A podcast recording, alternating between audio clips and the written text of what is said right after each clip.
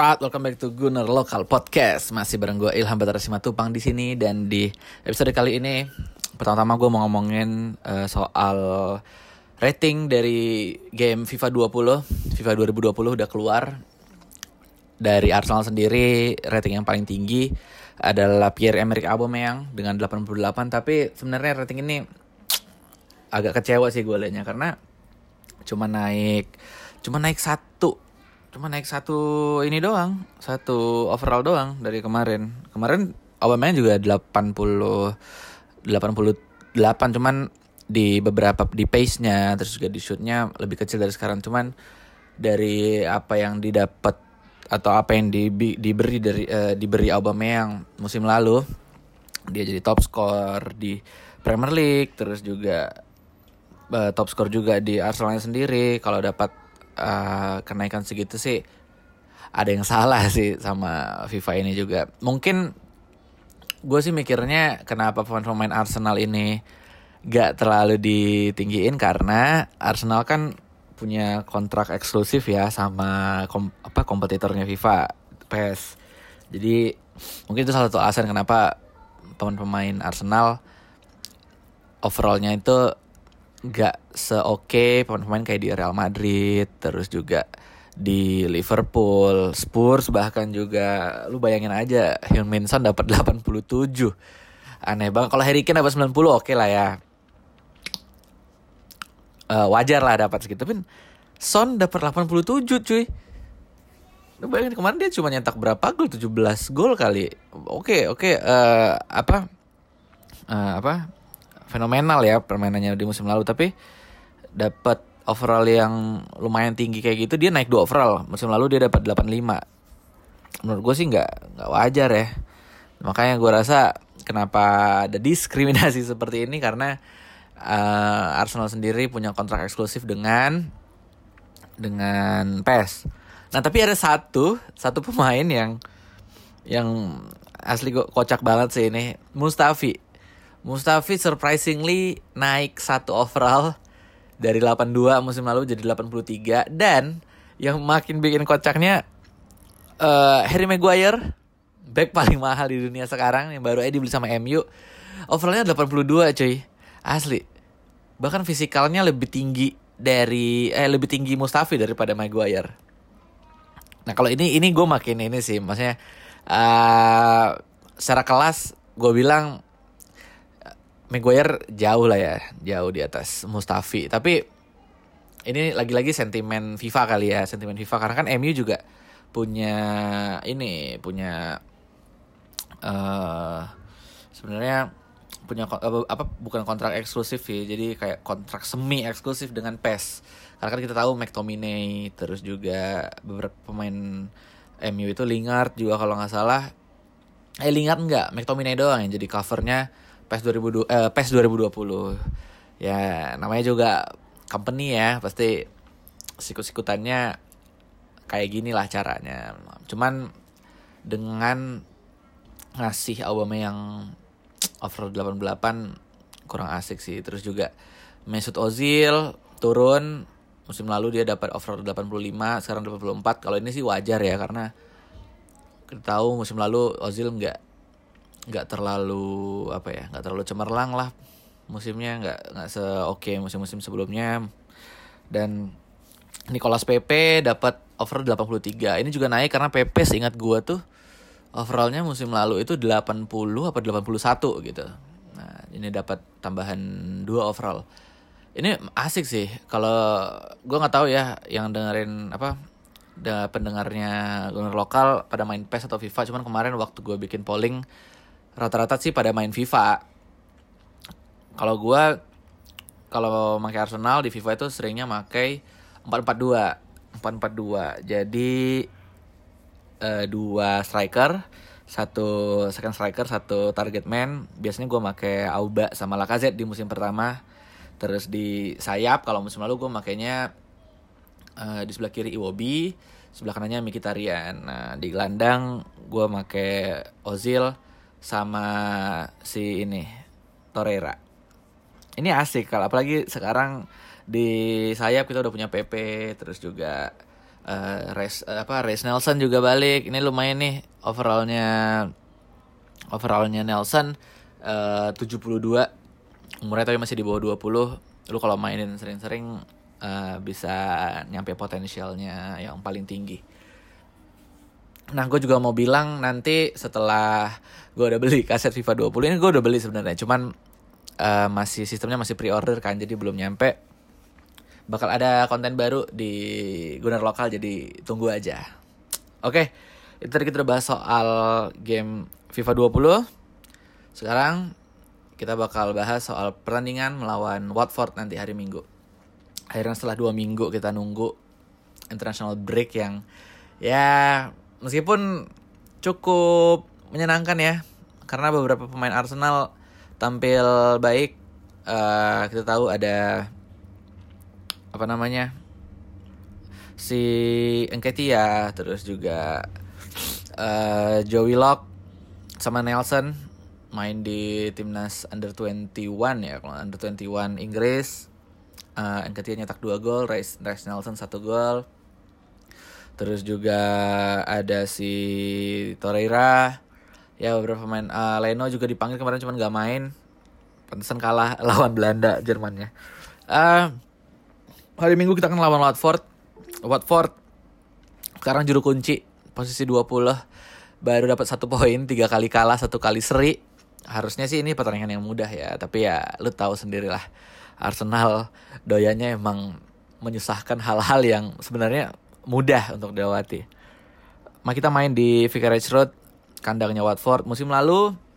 Musim lalu Watford di awal musim lumayan oke okay kan ya. Uh, sempat ada di posisi empat besar Roberto Pereira sama si apa uh, apa Troy Dini. Troy Dini jadi momok anjir, jadi momok di lini depan Watford. Tapi musim ini nggak tahu kenapa mereka melempem sampai akhirnya pelatihnya si Javi Gracia dipecat dan diganti sama Kike Sanchez Flores. Sebenarnya Kike ini pernah pernah di pernah ngelatih Watford tak musim 2015-2016 itu jadi Kike bawa Watford promosi ke Premier League terus semusim doang di Premier League musim depannya dipecat. Kalau menurut gue ada untung ada ruginya juga bukan rugi sih kalau keuntungannya pasti uh, uh, squadnya Watford lagi dalam apa ya uh, suasana yang kurang baik. Suasana yang kurang baik uh, pertama karena pelatih mereka udah ganti di di tengah ini lagi tengah bukan di tengah di awal musim lagi udah diganti. Ini pelatih pertama nih yang diganti di Premier League. Udah kayak Liga Indonesia aja ya baru empat pertandingan langsung dipecat. Lalu lini depan mereka juga kurang baik mereka baru nyetak dua gol bayangin bro.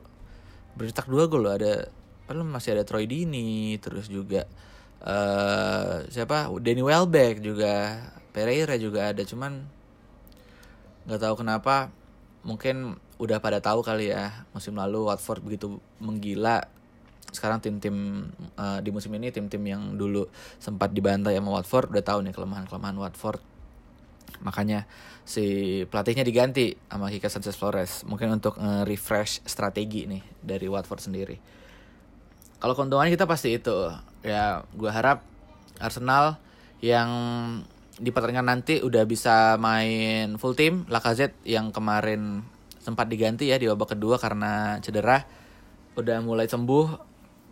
Terus juga uh, beberapa pemain yang emang tidak kita butuhkan tuh udah pada keluar semua. El Neni, Mkhitaryan, terus juga uh, Monreal juga udah keluar. Jadi gua gua rasa sih Emery gak perlu tidak lebih pusing lagi dari kemarin karena dia udah tahu nih empat pertandingan yang lalu pasti ada rapornya kan masing-masing pemain kayak Guendouzi, Aubameyang, Pepe, Lacazette. Jadi Emery pasti udah udah inilah lebih enak untuk untuk memilih starting eleven. Karena semakin semakin gendut squad, semakin banyak pemain yang ada di squad, bukan malah semakin mudah pekerjaan pelatih, malah semakin susah karena semua pemain kan pengen main ya.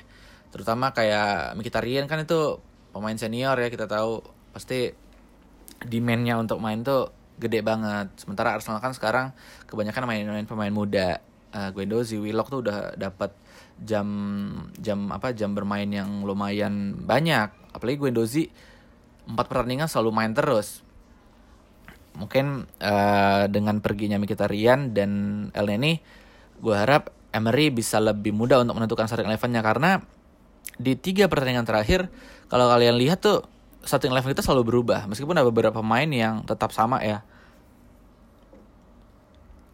ini bisa jadi dua hal. Satu mungkin Emery memainkan apa menggunakan strategi sesuai dengan lawan yang dipilih. Tapi bisa juga Emery ini emang belum apa ya masih bingung masih bingung nentuin siapa sih yang bakal jadi starting eleven. Karena kalau kita lihat uh, Manchester City, terus juga Liverpool, uh, mereka itu starting elevennya tuh udah jelas gitu. Mungkin untuk uh, untuk lawan-lawan gede mereka akan rombak-rombak sedikit, tapi kalau ketika melawan tim-tim di luar top 6 starting eleven mereka tuh sama. Jadi ini kan udah nunjukin kalau inilah tim terbaik yang ada di tim uh, apa squad terbaik yang ada di tim ini. Nah, dengan perginya beberapa pemain senior itu gue harap Emery jadi lebih wise terus juga lebih mudah dan lebih tepat untuk memilih starting eleven yang ada di squad sekarang. Kita tahu Guendouzi terus juga Aubameyang, uh, David Luiz, uh, Bernleno, terus juga Socrates lagi on fire on fire-nya sekarang.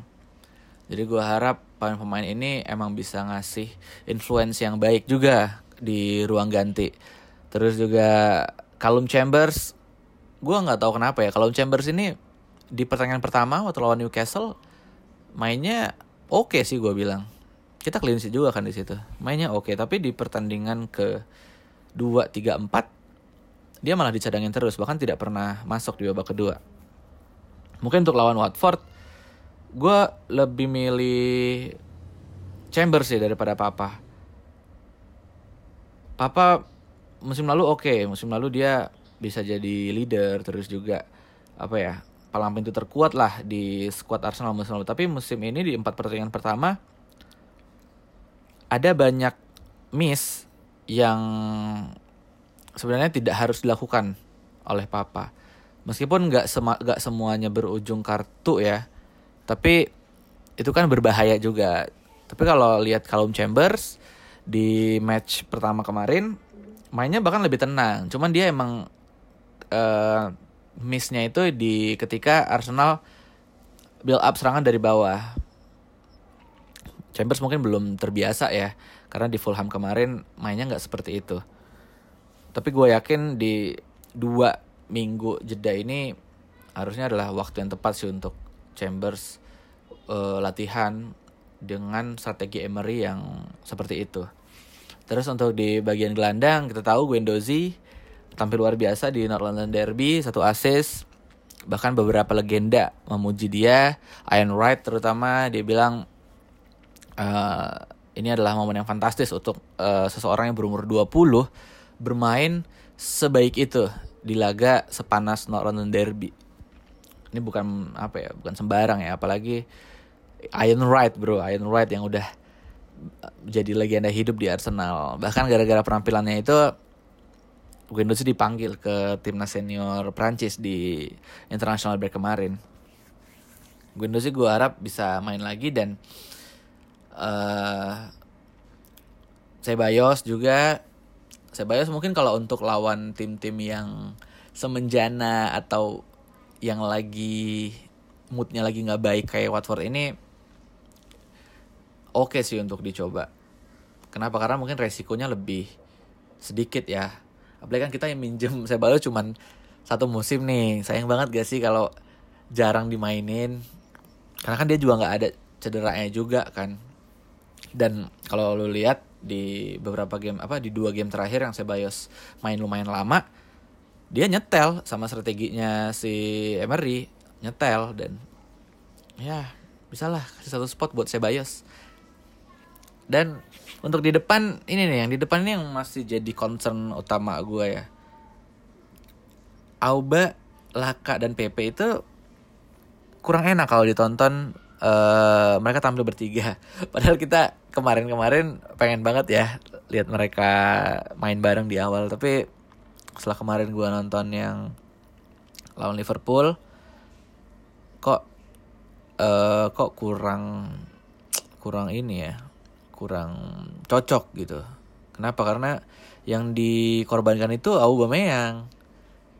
Aubameyang jadinya main di sayap dan Aubameyang tuh jelek bukan jelek sih jelek kalau main di sayap tuh entah kenapa aura predatornya tuh hilang iya nggak aura predator Obama itu kalau main di sayap tuh hilang jadi ketika dia dipindahin ke tengah langsung kan nyetak satu gol lawan Burnley lawan Newcastle juga gol-golnya Aubameyang itu uh, berawal ke, uh, berawal ketika Aubameyang udah dimainin di uh, sebagai posisi striker bukan lagi pemain sayap. Ini gue nggak tahu jawabannya apa yang harus dilakukan Emery karena ini pasti sulit banget ya. Lo ada tiga penyerang yang semuanya itu udah kelas A lah. PP, Lacazette, Aubameyang tapi ketika lo pakai strategi yang A ada satu pemain yang harus dikorbankan. Terus juga ketika pakai strategi yang B, mungkin dua pemain yang harus dikorbankan. Nah,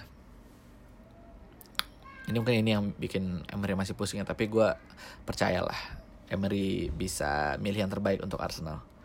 Uh, ya Watford juga rada rada aneh nih. Kemarin seri lawan Newcastle satu sama.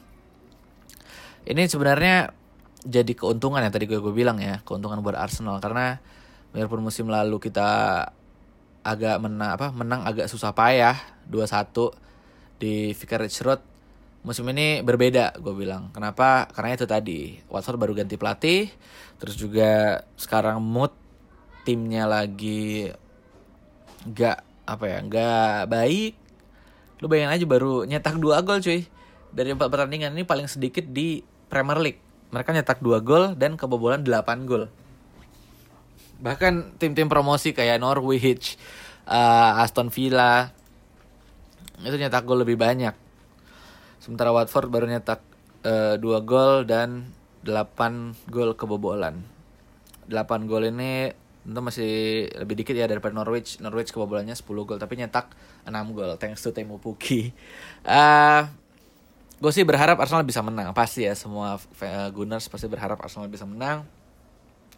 Tapi itu sekali lagi berapa kali kita berharap ke Arsenal sering banget dikecewakan. Apalagi lawan tim-tim yang lagi apa lagi ada lagi berada di performa yang buruk.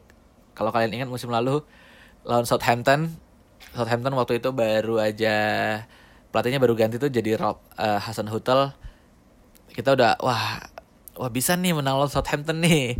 Southampton lagi ada di zona degradasi. Eh taunya kalah berarti 3-2. Kan sedih juga rasanya ya kalau berharap terlalu tinggi. Nah, gue nggak akan set harapan yang terlalu tinggi nih untuk lawan Watford. Tapi kalau emang kita mainnya oke, okay, Aubameyang dan Lacazette atau bahkan PP kalau dimiliki bertiga udah mulai nyetel, ya menang dua defisit apa menang dengan skor dua satu atau tiga satu gua rasa uh, wajar lah untuk Arsenal. Kemarin juga waktu international break uh, Nicolas Pepe balik dari Pantai Gading ke London ada yang bilang sih cedera cuman masih simpang siur cederanya apa apakah parah atau tidak. Tapi ada lagi yang bilang ada akun Twitter uh, di London yang bilang kalau PP itu balik karena emang pengen latihan private dengan Emery untuk strategi dia di Arsenal. Karena kan emang kalau kita lihat PP ini udah mulai rada tahu nih gimana atmosfer di Premier League. Karena uh, kemampuan-kemampuan dia emang berhasil untuk mengangkat uh, performanya Arsenal di liga di empat pertandingan terakhir. Nah dengan uh, dengan adanya desas-desus soal uh, private uh, practice-nya Nicholas Pepe di international break kemarin mungkin akan ada sesuatu yang berbeda yang bisa dikasih oleh PP di pertandingan lawan Watford. Mungkin gol pertamanya atau hat trick pertamanya kita nggak tahu. Ya itu tadi uh, analisa untuk match hari Minggu nanti. Tapi ada satu sih, ada satu yang ada satu hal yang udah lama banget pasti kita semua idam-idamkan ada satu pemain, pemain bintang kita, pemain kesayangan kita yang sudah lama sekali nggak kita nonton permainannya. Mesut Ozil. Jujur gue kangen banget sama Ozil. Buk kangen tuh karena kita udah udah lima tahun ya bareng dia. Dia join 2013, 6 tahun sorry. Udah enam tahun di tahun ini dan dari musim pertama dia main sampai musim terakhir kemarin emang dia gue bilang adalah salah, uh, adalah motor utama serangan Arsenal di bagian tengah dan ngelihat dia di empat pertandingan awal ini gak main rasanya ada yang aneh oke lah mungkin untuk dua pertandingan pertama karena dia punya kasus yang sempat viral itu ya yang dia di di apa dipalak sama begalnya London sama Kolasinac tapi di pertandingan lawan Liverpool sama Spurs, Ozil ada di di bangku cadangan. Cuman katanya sih sakit. Tapi sakitnya tuh nggak jelas gitu loh. Ini kayak ada konspirasi nih di balik semuanya dan sebenarnya ini nggak nggak asik untuk kita ikuti. Ini bukan konspirasi yang bikin lo penasaran penasaran yang enak gitu loh. Ngerti gak sih lo? Penasaran yang lo sampai pengen tahu banget tapi dengan perasaan yang menggebu-gebu. Nah sementara kalau kasus Ozil ini malah penasaran yang bikin lo tuh was-was. Aduh kenapa ini Ozil ya? Apa sih masalah dia memory apa sih masalah dia sama uh, Arsenal sendiri atau dia punya masalah dengan kehidupannya di London? Nah itu yang kita nggak tahu. Dan jujur gue dari kemarin di Instagram di Twitter gue sering banget ngupload soal gimana gue rindunya gue dengan Ozil di lini tengah kita. Di beberapa episode podcast terakhir, gue sama Mas Rio juga udah ngobrol ya soal apakah Ozil ini cocok gak dengan formasi tiga gelandangnya Arsenal yang sekarang. Dan Mas Rio juga udah bilang kalau kalau emang si Ozil bisa adaptasi dengan baik dan adaptasinya juga cepat, ya bisa jadi cocok strateginya. Karena kalau lo ingat waktu zamannya waktu di Real Madrid Ozil kan juga mainnya di strategi dengan tiga gelandang kan? Tiga gelandang nah waktu itu juga udah apa Ozil juga ganas banget mainnya ada Ronaldo di depan Benzema dulu belum ada Bale masih zamannya Angel Di Maria ada Ozil di tengah itu surga banget lah buat mereka bertiga dan sebenarnya itu yang pengen banget gue lihat di Arsenal sekarang. Kan kita udah punya Auba, udah punya Lacazette, PP juga. Nah, sementara di gelandang kita kan kebanyakan tipenya pekerja keras kan ya. Gelandang pengangkut air lah jatuhnya, bukan gelandang yang emang tugasnya itu bikin peluang, create change Sebayos terus juga Guendouzi, Shaka, Torreira mereka itu kan nggak punya track record ngasih assist ya assist yang banyak. Sebayos mungkin permainnya lebih fluid tapi kalau kalian lihat dia kadang end product dia itu lebih banyak shoot dari jarak jauh atau jadi bikin pre assist kayak kemarin waktu Spanyol di kualifikasi Piala Eropa kan dia kasih pre assist tuh untuk golnya Paco Alcacer. Nah, dengan adanya Ozil sih gue ngebayanginnya dia nih yang jadi uh, poros poros penyerangan kita. Sebayos dan uh, Guendouzi mungkin bisa jadi yang bawa bola dari belakang ke depan. Terus juga uh, di depan Auba, Lacazette dan juga Pepe gak perlu ribet lagi nih sampai turun-turun ke bawah. Itu yang yang yang udah beberapa malam ini beberapa hari ini gue bayangin nih wah gimana gini ya kalau Ozil main? Dan lagi gue bilang ini kan kita uh, situasinya kan lawan tim juru kunci, lawan Watford. Gak gak besar lah resiko untuk memainkan Ozil karena kemarin Ozil juga udah ngepost di Twitter uh, I'm ready. Nah, emang itu kayaknya lagi ngepromosiin jersey barunya Arsenal juga ya. Cuman itu kan kalau kita ambil dari uh, ilmu semiotikanya, mungkin itu adalah salah satu tanda kalau emang Ozil itu udah siap untuk merumput lagi. Nah, ya itulah alasan kenapa gua sebenarnya pengen banget nih lihat Ozil bisa main di pertandingan lawan Watford nanti. Oke. Okay. Sekian dulu untuk episode kali ini. Gua Ilham Batara Simatupang pamit. Bye bye.